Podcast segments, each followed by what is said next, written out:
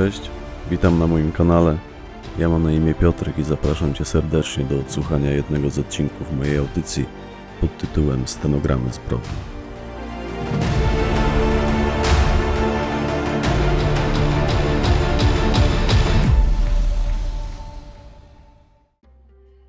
Baciar, część pierwsza.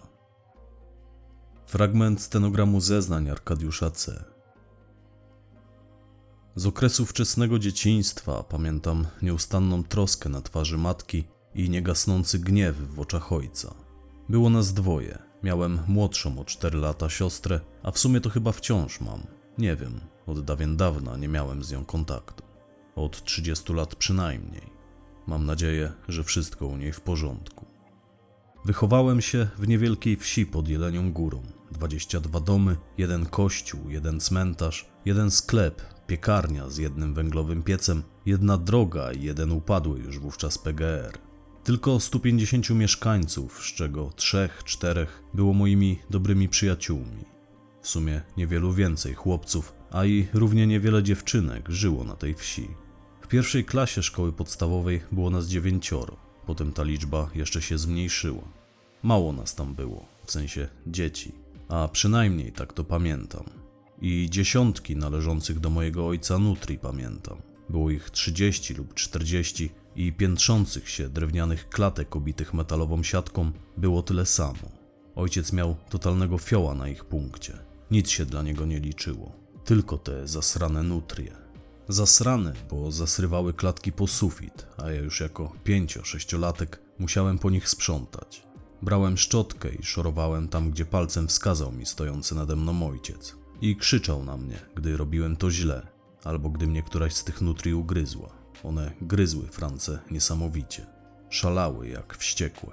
Nutrie sąsiada były spokojne, sympatyczne, niektóre nawet dawały się pogłaskać, a te hodowane przez mojego ojca tylko gryzły i srały. Widocznie nutrie, podobnie jak psy, potrafią utożsamiać się z właścicielem i stąd objawiała się ta ich nienawiść do otaczającego je świata, bo mój ojciec nienawidził wszystkiego ludzi, miejsc, słów i rzeczy. O wszystkim i o wszystkich wypowiadał się z wyższością i pogardą. Każdego chciałby przekonać do własnych racji, a tych, którzy przekonać by się nie dali, chciałby lać w mordę, lub przynajmniej każdemu z nich w nią napluć. Gdy przypominam sobie dzieciństwo, w pamięci jako pierwsze rysują mi się wyłącznie smutne obrazki. Do tych przyjemnych muszę się dokopywać we własnej głowie. Więc z reguły tylko przykre rzeczy pamiętam. Dużo krzyku, awantur, głupich i niepotrzebnych zadań wymyślanych mi przez ojca, a niewiele szacunku i troski. I dom dość dobrze pamiętam. Stary, ceglany, niewielki domek ze sporym ogrodem z przodu i rozległym sadem na jego tyłach. W sadzie nic nie rosło. Ojciec w pewnym momencie powycinał tamtejsze drzewa owocowe, żeby się nimi nie opiekować. Sad przez lata potem wyglądał jak zarośnięte chaszczami pobojowisko. No i te wystające z ziemi, podziabane siekierą, korzenie wiśni, grusz i śliw. Przez większość dzieciństwa czułem się jak taki nikomu niepotrzebny korzeń. Ojciec mnie tak sponiewierał, aczkolwiek mama, mama zawsze mnie kochała. Była zupełnie inna niż on. Była z zupełnie innej bajki. Podobnie jak moja siostra, byłem oczkiem w głowie niezwykle mocno kochającej nas oboje matki, ale w przeciwieństwie do siostry, bo moją siostrę można powiedzieć, że ojciec nawet ją lubił. W przeciwieństwie do niej, ja byłem jego największym życiowym utrapieniem. Przynajmniej tak to odbierałem. Bo on szczerze mnie nie znosił, na wzór jego matki, a naszej babci, która mieszkała tam razem z nami. Nie miałem pojęcia, czemu oboje się na mnie tak uwzięli. Znaczy, wtedy nie miałem, bo dzisiaj mam. Babcia w czasie II wojny światowej była więźniarką niemieckiego obozu pracy, coś jej się wówczas poprzestawiało w głowie. Zatraciła człowieczeństwo w tym obozie, przynajmniej tak twierdziła moja mama. Babcia nie była więc dobrą osobą, w szczególności dla nas, to znaczy dla mnie, dla mojej siostry i naszej mamy. Ojca szanowała, w końcu był jej synem, ale nas nie, nami wręcz gardziła. O ile ojciec gardził tylko mną, to babcia nami wszystkimi. Mama, stając w naszej obronie, bez przerwy się z nią kłóciła. Problem polegał na tym, że ponury ceglany dom, w którym mieszkaliśmy, przynależał właśnie babci. To ona w nim niepodzielnie rządziła, rządziła też moim ojcem i my, poniewierani przez nich oboje, nie mieliśmy się gdzie podziać. Musieliśmy to znosić. Jak mówiła moja mama, to przez babcię ojciec stał się takim draniem. I z pewnością miała rację. Babcia jeździła na wózku inwalidzkim, miała problemy z chodzeniem, bo w tym obozie, w którym przetrwała wojnę, przydarzył jej się wypadek. Przejechał po niej pełen drewna wóz drabiniasty, pogruchotał jej miednicę, na szczęście dla niej samej i tylko dla niej, jakoś się z tego wykaraskała, ale poruszała się potem z trudem, a z upływem lat praktycznie przestała chodzić o własnych siłach. Gdy ja przyszedłem na świat, jeździła już na wózku. Ten jej wózek też ciągle czyściłem. Zawsze musiał lśnić. Dla babci. Ten jej zielony rydwan nienawiści. Tak go nazywała moja mama. Babcia piła. I to nie tylko cztery parzochy dziennie. Ona oprócz tych kaw codziennie wypijała też morze alkoholu. Lubiła wypić, jak sama to określała. W mojej pamięci rysuje się obraz zawieszonej z boku jej wózka brązowej skórzanej torby w stylu aktówki, w której chowała niewielki termos z wódką. Nie rozstawała się z nim, aczkolwiek nie zawsze była to wódka. Piła bowiem wszystko, co wpadło jej w ręce. Wódkę, piwo, wino, każdą berbeluchę piła, tylko wcześniej przelewała ją do tego poobijanego termosu, żeby sąsiedzi, którzy mijali nasze podwórko, myśleli, że ona siedząc przed domem w wózku elegancko popija sobie kawę czy herbatę. Tylko, że sąsiedzi nie byli w ciemię bici, nie byli ślepi czy głusi na to, co się u nas od lat działo. Jestem pewien, że żaden z sąsiadów by jej nie uwierzył, że w tym termosie jest herbata. Tym bardziej w letnie, upalne dni. Po herbacie się nie bełkocze, nie wyzywa się synowej i wnuków, nie spada się z wózka i nie leży pod płotem, rycząc w niebogłosy, żeby ktoś cię podniósł, albo żeby cię dobił i oszczędził ci cierpienia. Nie raz i nie dwa byłem w dzieciństwie świadkiem takich scen. Wielokrotnie podnosiłem z ojcem babcię z chodnika pod sklepem, gdzie godzinami potrafiła przesiadywać z okolicznym menelstwem. Sadzaliśmy ją na wózku, by odwieźć ją do domu, żeby ludzie jej nie widzieli w takim stanie, żeby nie słyszeli jej bełkotu, wycia i wyzwisk. A i tak wszyscy słyszeli. Na wsi, zwłaszcza tak maleńkiej, nic się przed wzrokiem ludzkim i uszami nie ukryje. Wie pani, co mnie irytuje w ludziach? Między innymi to, że wszystko pod publikę musi być robione, a brudy według tradycji należy prać w czterech ścianach. Po cichu najlepiej. Policję wezwać do domu, w którym panuje przemoc, to hańba dla rodziny. Tak się utarło. Cicho, cicho, bo co sąsiedzi powiedzą. A co oni? Nie wiedzą? A ile żywotów podobnych do mojego by to uratowało? To gdyby ktoś w porę poinformował kuratorium i moją babcię zabraliby tam, gdzie jej miejsce. Albo mnie by stamtąd zabrali.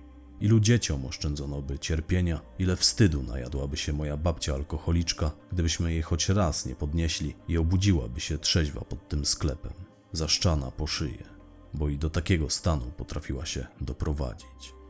Może cokolwiek by to w niej zmieniło, może byłoby jej wstyd choć przez jakiś czas, albo chociaż przez jakiś czas piłaby z umiarem. No cóż, dzisiaj to mogę sobie jedynie pogdybać. A co by było gdyby? Też mnie to wkurwia w ludziach. To gdybanie jebane. Babcia piła naprawdę dużo i wszystko. Na własne oczy widziałem, jak kiedyś wypiła wodę kolońską mojego ojca. Ona była w takiej małej buteleczce z wąską szyjką i kaleka moja babcia, żeby wlać ją sobie do gardła, musiała się trochę nagimnastykować. W głowie pozostał mi taki obrazek, jak ona siedzi na tym swoim wózku. On cały się chybocze, ta torba z termosem obija się o niego, a ona, trzymając nad sobą tę buteleczkę z wodą kolońską, gwałtownie wytrzepuje do gardła jej zawartość, aż podskakuje w tym wózku.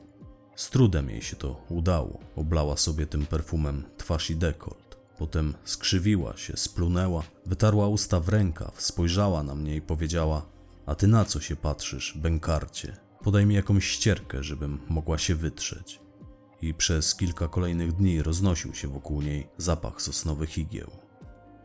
Napatrzyłem się w dzieciństwie na wiele podobnych scen. Niestety babcia nie była jedyną pijącą osobą w miejscowości, w której się wychowałem. Sporo ludzi tam piło, nasiliło się to po upadku PGR-u, w którym wielu mieszkańców mojej rodzinnej wsi wcześniej pracowało.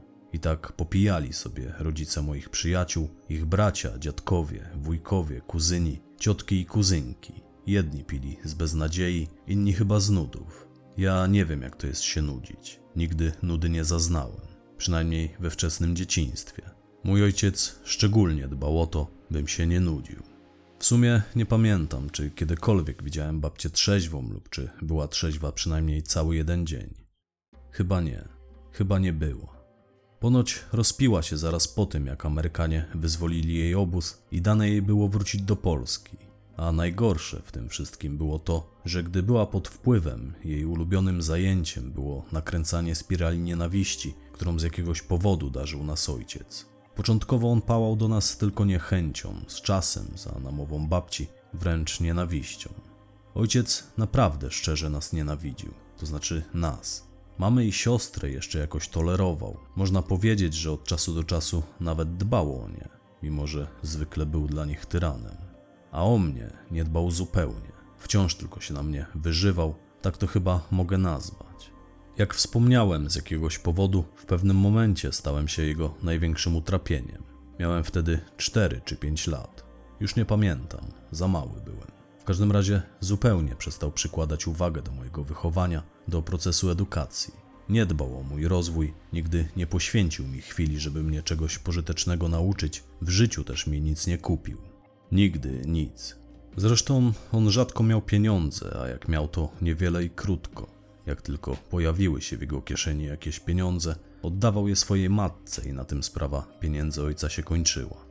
Zwykle traktował mnie jak powietrze, ale czasami, gdy wpadł w szał, bo coś według niego źle zrobiłem, ja lubiłem robić różne rzeczy, pomagać siostrze i mamie, więc czasami jak według niego zrobiłem coś źle, a to źle odstawiłem węglarkę, a to narąbawszy drewna krzywo wbiłem siekierę w pieniek lub sprzątając zostawiłem kurz pod łóżkiem, a to za słabo napompowałem mamie koła w rowerze. Wtedy ojciec za karę kazał mi spać w stodole, o ile wcześniej nie zlał mnie jeszcze pasem.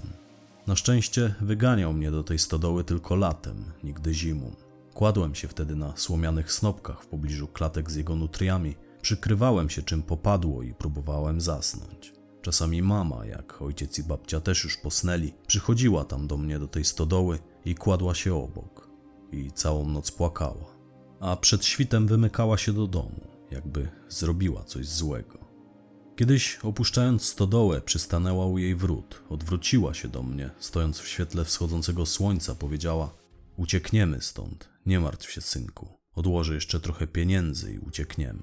Uwolnimy się od tego koszmaru.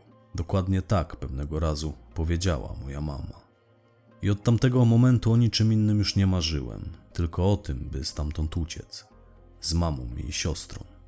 Czekałem aż to nastąpi, aż mama da mi jakiś znak, że to już. Kładąc się do snu, często wyobrażałem sobie, jak pewnego dnia odjeżdżamy z jedynego w tej wsi przystanku autokarem, by moja noga nigdy więcej tam nie postanęła. Ojca i babcie sobie wyobrażałem, którzy widząc, że zniknęliśmy, zaczynają nas szukać, a my mielibyśmy być już daleko i odjeżdżalibyśmy coraz dalej.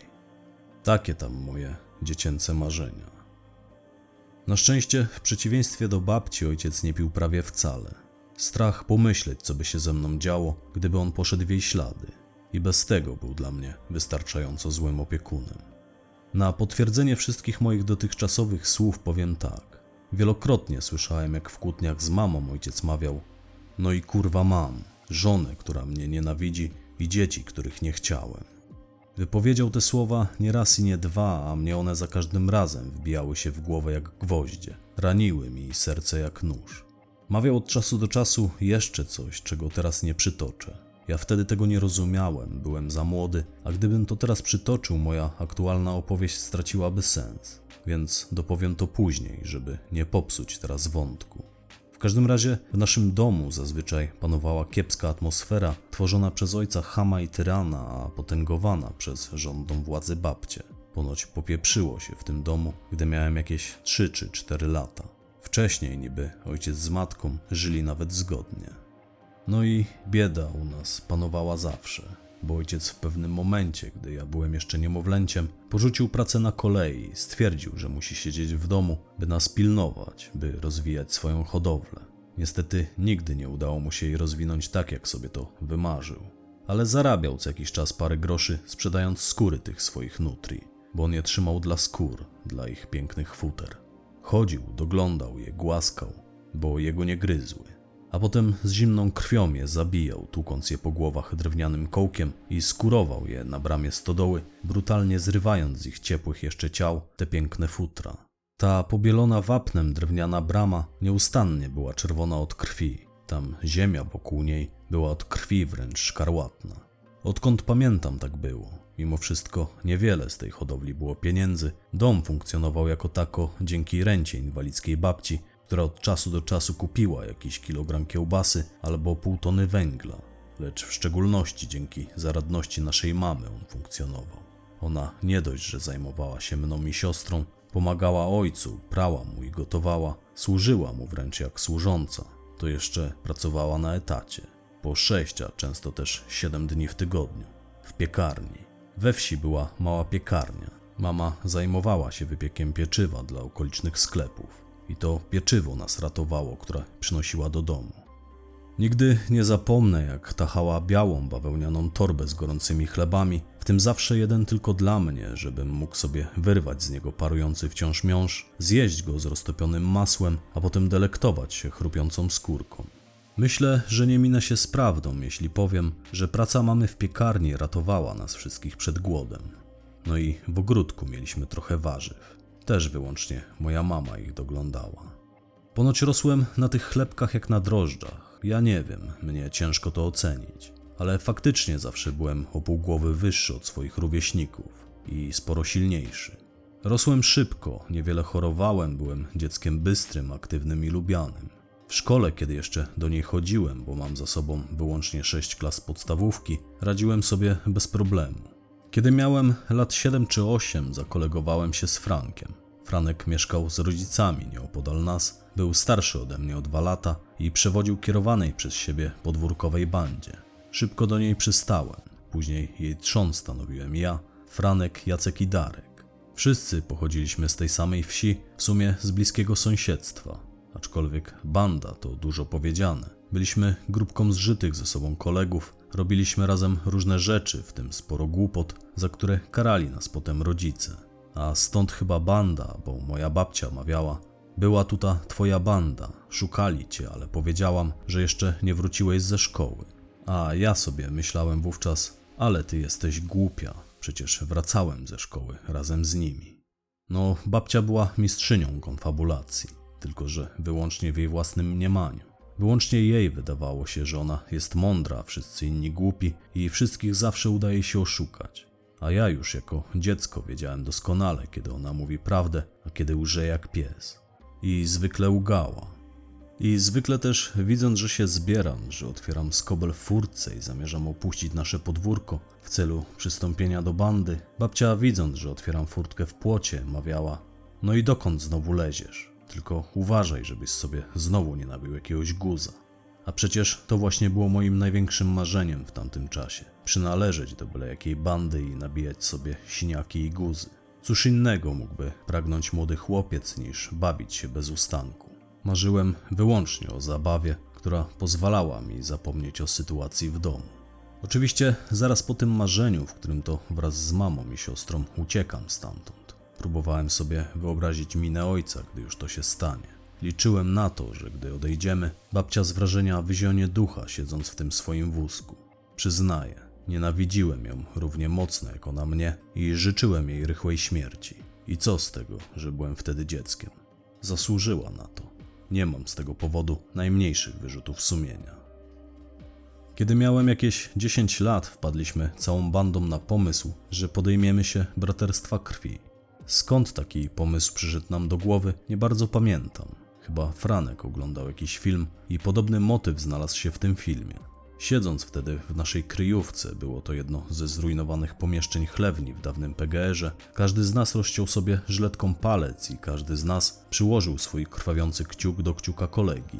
Potem wymówiliśmy jakąś regułkę i tak zawiązało się nasze braterstwo. Braterstwo krwi, które później oczywiście się rozpadło, bo dawnych przyjaciół z dzieciństwa nie widziałem chyba jeszcze dłużej niż własną siostrę. To już będzie lat przynajmniej ze 35, jak ostatni raz widziałem Franka. On potem dorósł i wyjechał do Stanów, a Jacek i Darek już nie żyją. Jacek miał wyprowadzić się do Poznania i tam zginąć w wypadku przy pracy. Był elektrykiem wysokich napięć i mu się nie powiodło, a Darek pozostał na tej podjeleniogórskiej wsi i zapił się na śmierć po tym, jak zostawiła go żona, zabierając ze sobą ich dzieci. Jego grób znajduje się nieopodal grobu mojej babki.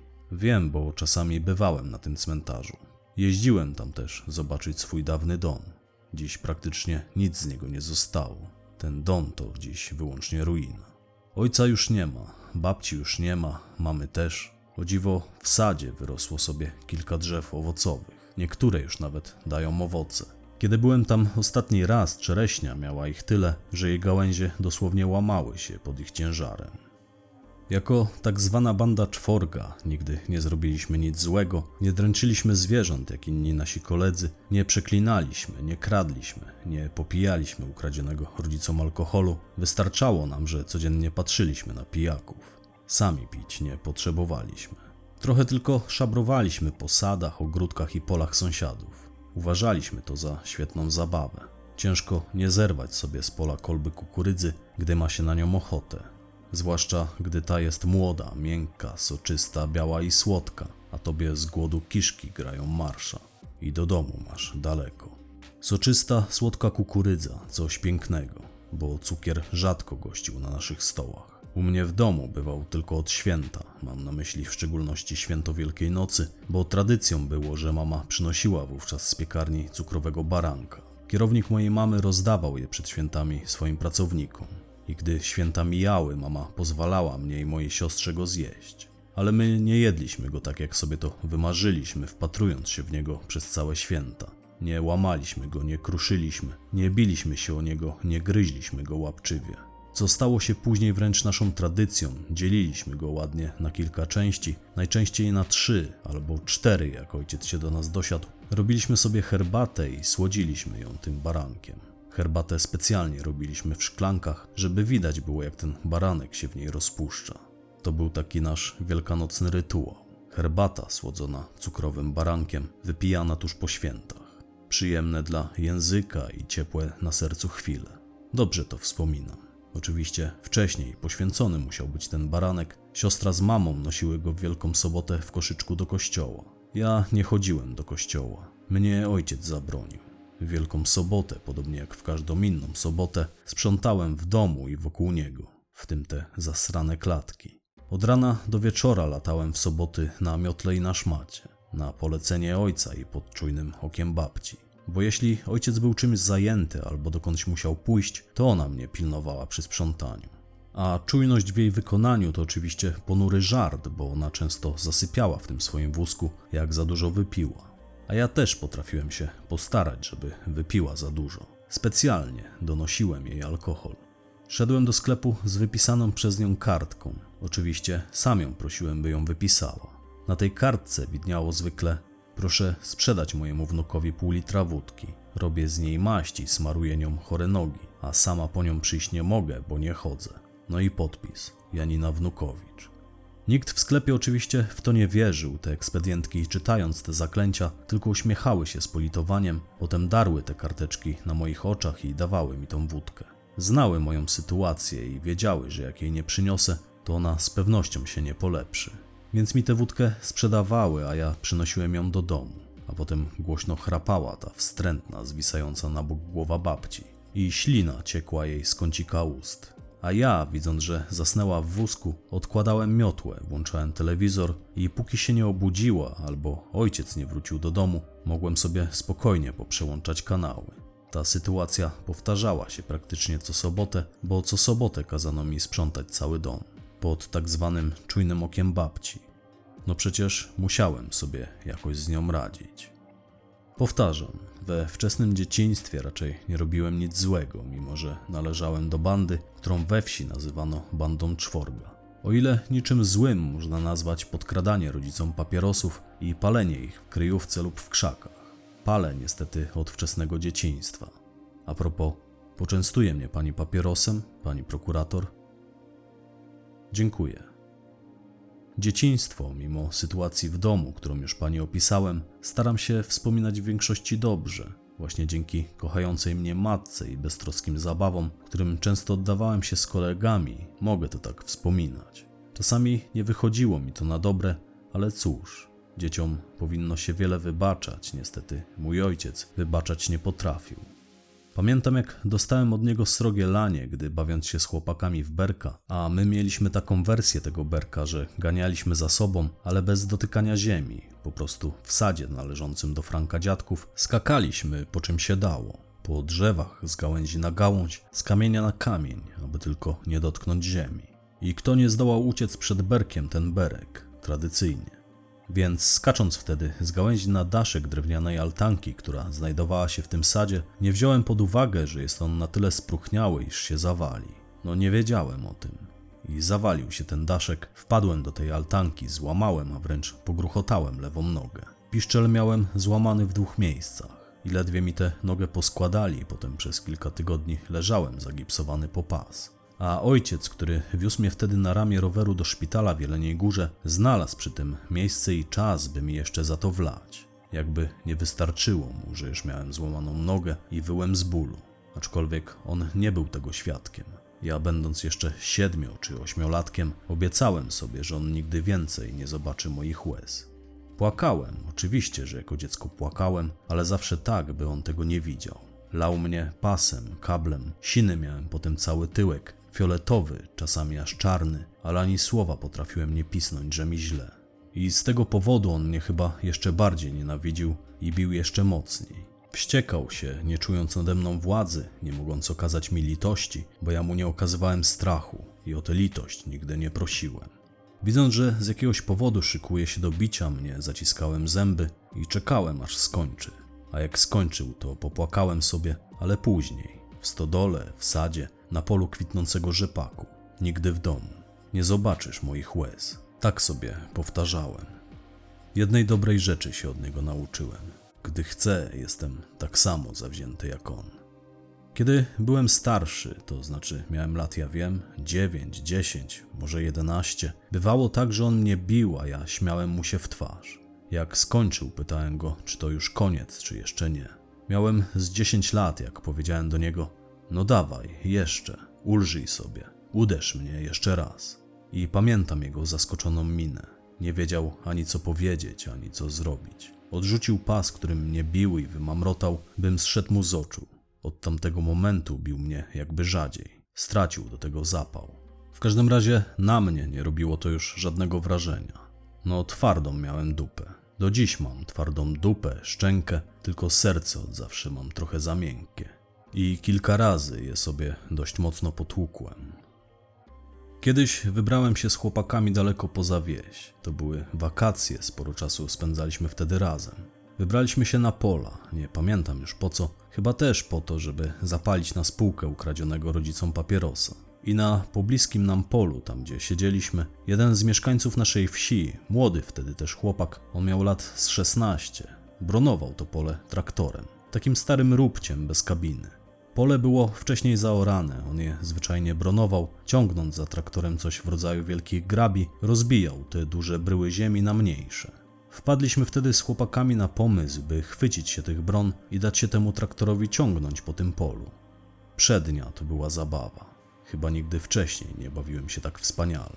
Aczkolwiek nie było niczym przyjemnym przylecieć ciałem po kamieniach, których też na tym polu było sporo. Do dziś pamiętam zapach i smak ziemi, której miałem pełne usta, nos i uszy. Spod bron unosiła się chmura kurzu. Ja, trzymając się ich wyciągniętymi przed siebie rękoma zaraz obok Franka, nie widziałem go. Widziałem tylko jego zarysy. Tyle niosło się tam tego kurzu. No i oczy przez większość podróży mieliśmy zamknięte żeby sobie ich nie zasypać ziemią. Jeździliśmy tak za tymi bronami od jednego końca pola do drugiego, a gęby i zęby wręcz mieliśmy czarne. Czarni byliśmy i czerwoni. mocno się wtedy pokaleczyliśmy.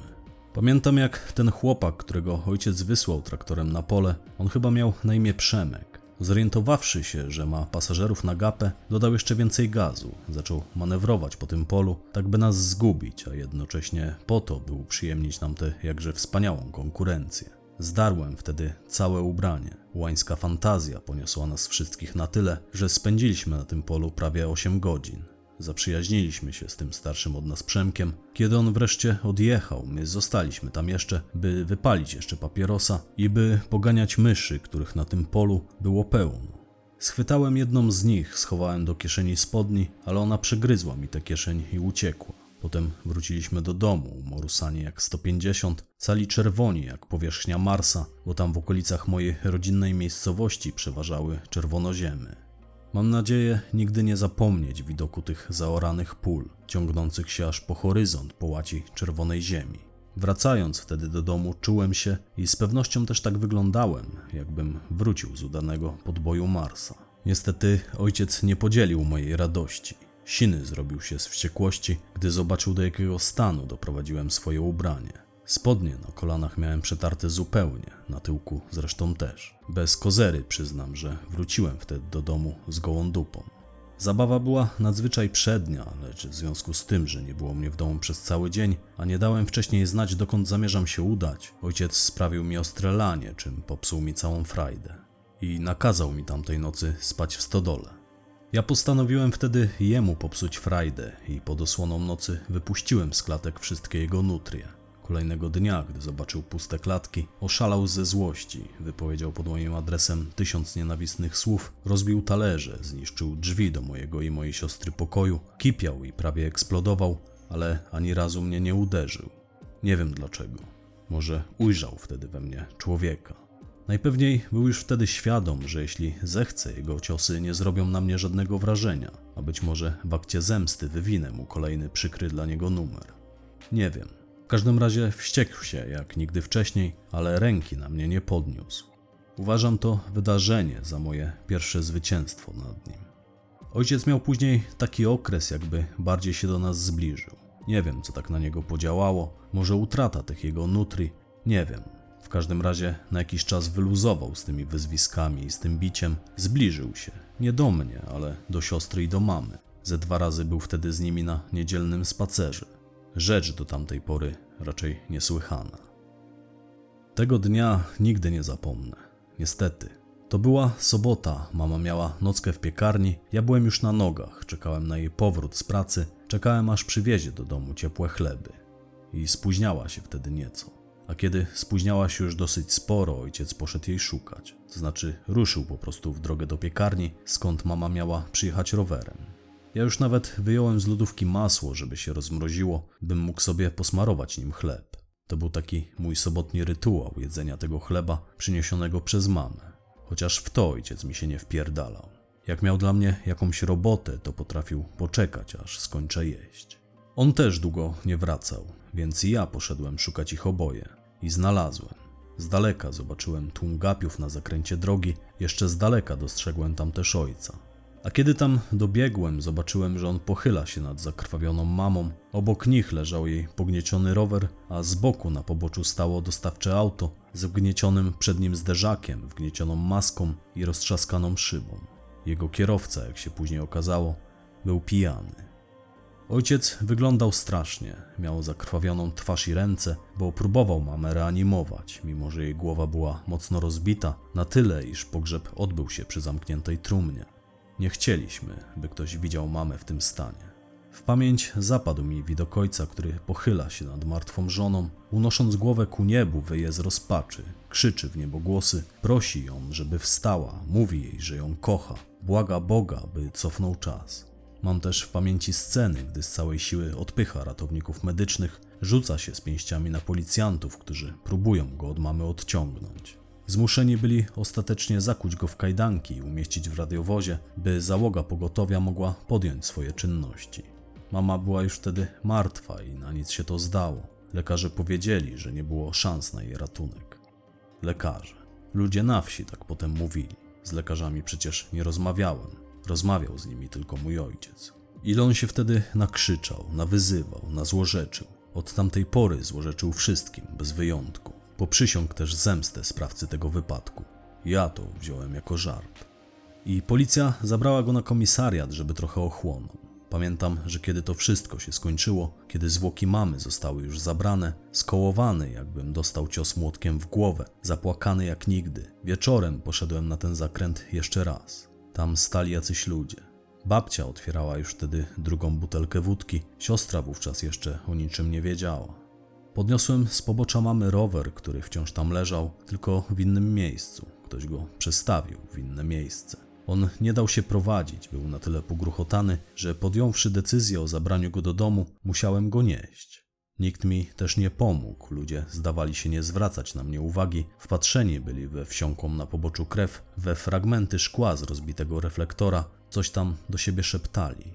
Zaniosłem ten rower do domu, potem znów wróciłem na to miejsce. Pozbierałem te rozjechane i rozdeptane chleby z ulicy. Jeszcze tej samej nocy zrobiłem im pogrzeb w naszym sadzie.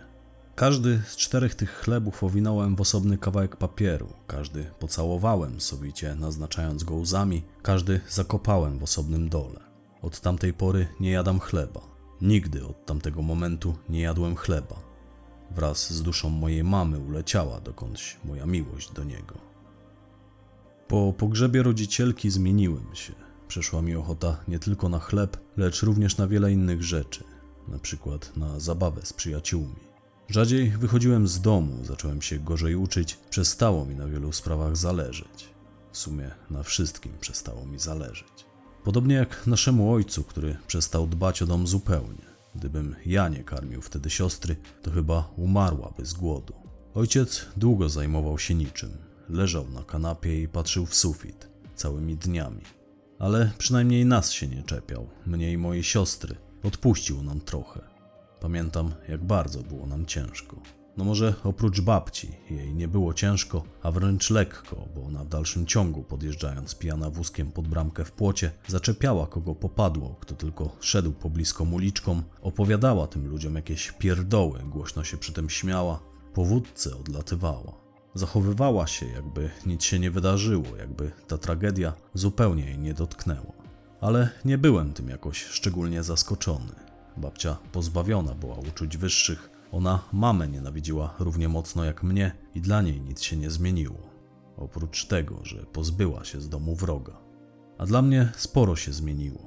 Od tamtej pory chodziłem obdarty i często głodny i nikogo to nie interesowało. Zupełnie nikogo. Czasami jadałem jakiś obiad u kolegów. Czasami, bo jak wspominałem, w pierwszym okresie po śmierci mamy prawie w ogóle się z nimi nie zadawałem. Od tych wydarzeń minęło jakieś pół roku. Pamiętam to sobotnie popołudnie, gdy do naszego domu przyszli dwaj policjanci. Ja wtedy sprzątałem mój i siostry pokój. O czymś z babcią dość długo rozmawiali, potem pokręcili się po naszym domu i poszli. Ojca wówczas nie było, w ogóle nie było go od kilku dni. Ja przypuszczałem, że coś mu się stało i stąd ta wizyta policji. I dużo się nie pomyliłem. To, o czym teraz powiem, wiem w szczególności z opowieści ludzi i z prasy, która szeroko się o tej sprawie rozpisywała. Szczegółów nie znam i nie chcę ich znać. Mnie wtedy na salę sądową nie wpuszczono. Moją siostrę tym bardziej. Za młodzi byliśmy, a sala ponoć była pełna, bo mój ojciec wtedy mocno zabłysnął. Chyba po raz pierwszy i ostatni w swoim marnym życiu. Za chwilę powiem pani czym. Ojciec zniknął jakoś w środę. Nie powiedział, że ma zamiar zniknąć, a pod jego nieobecność w domu panowała lepsza atmosfera, stąd też nie bardzo przejąłem się jego nieobecnością. I nie pytałem babci, co z nim. Im dłużej miałoby go nie być, tym więcej zaznalibyśmy z siostrą spokoju.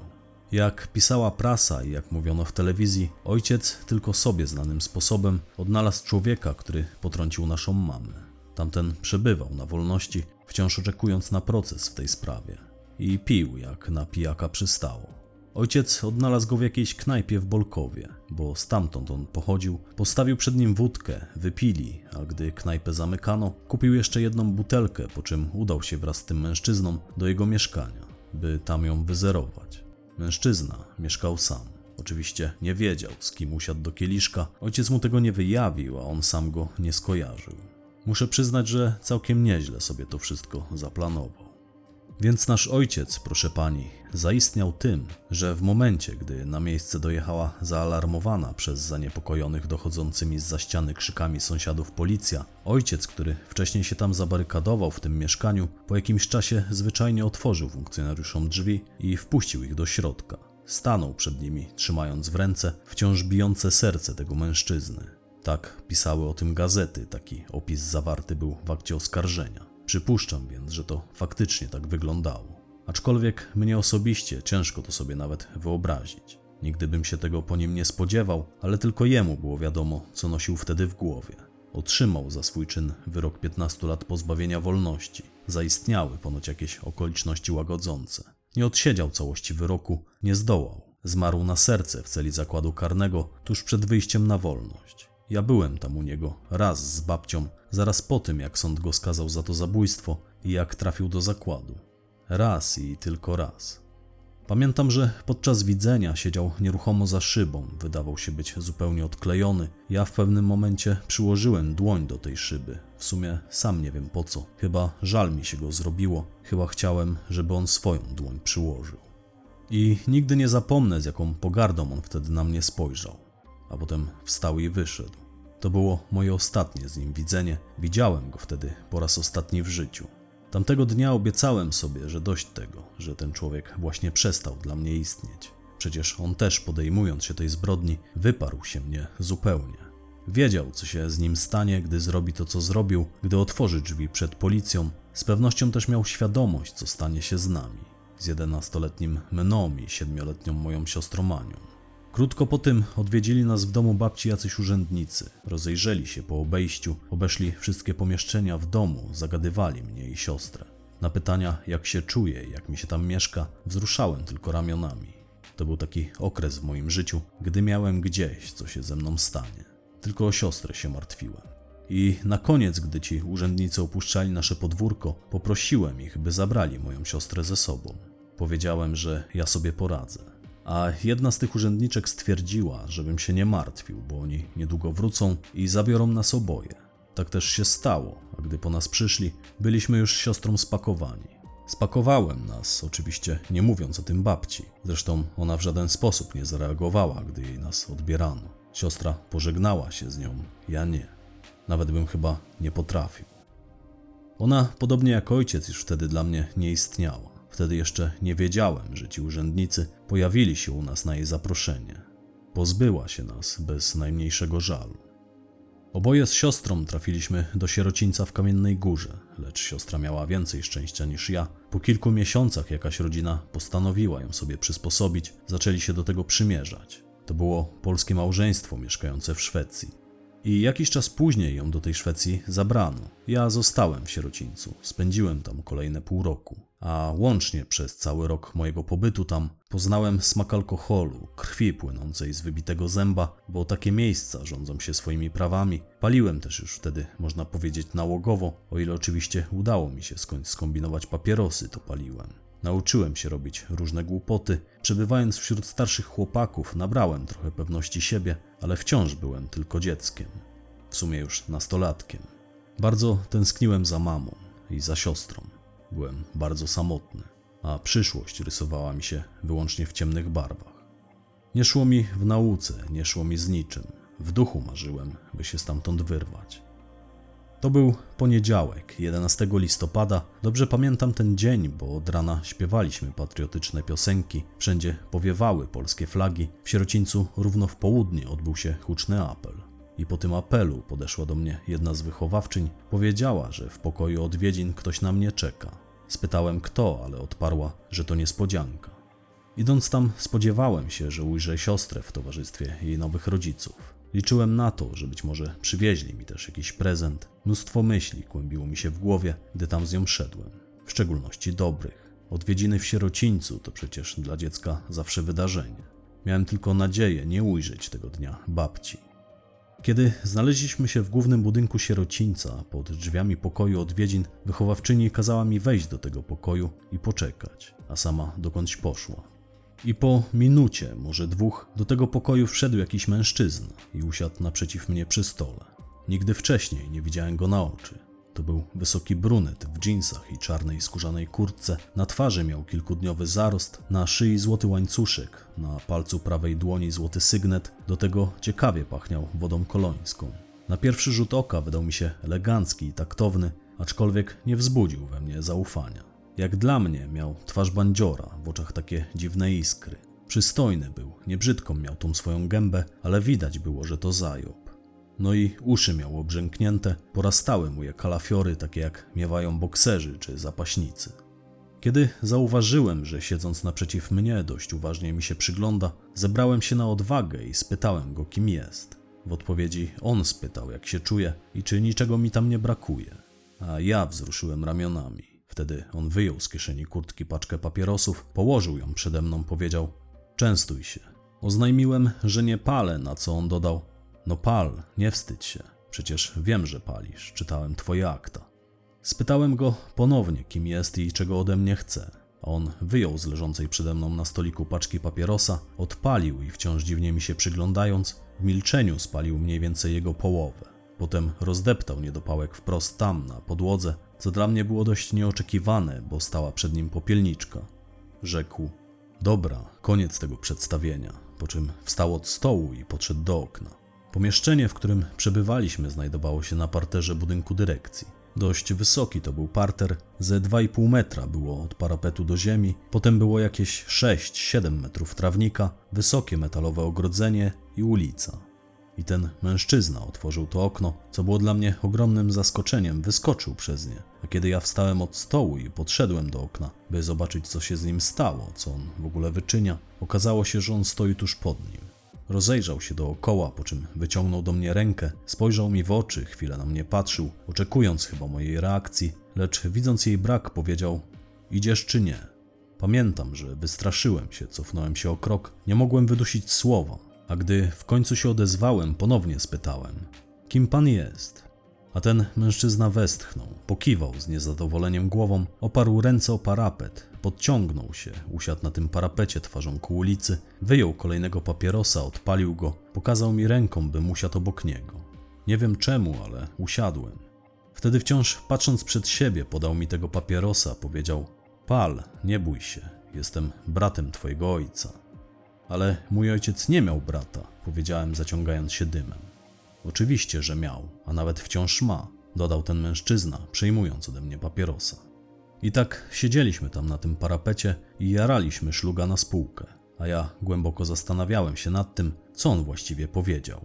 Na szczęście wokół nie było żywej duszy, wszyscy siedzieli już na stołówce, to była pora obiadowa i nikt nas nie widział.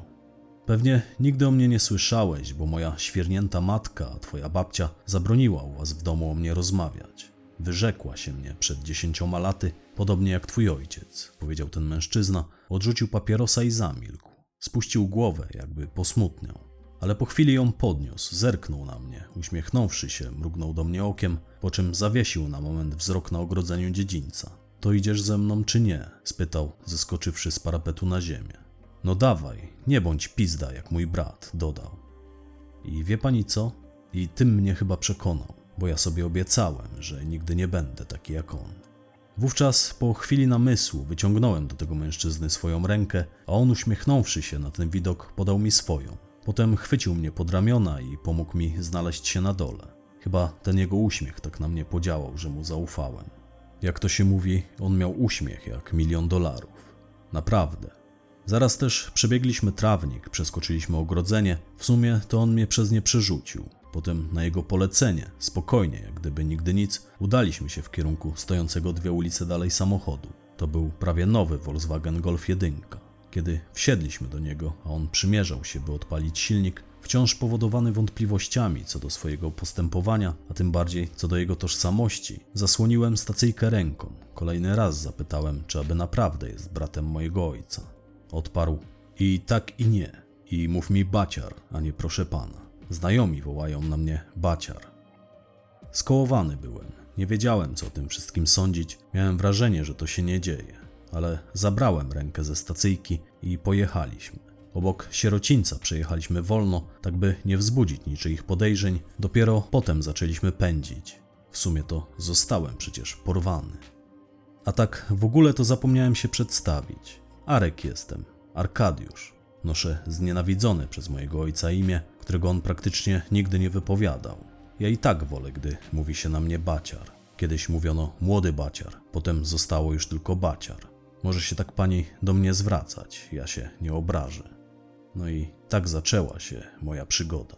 Tak zyskałem nowe życie.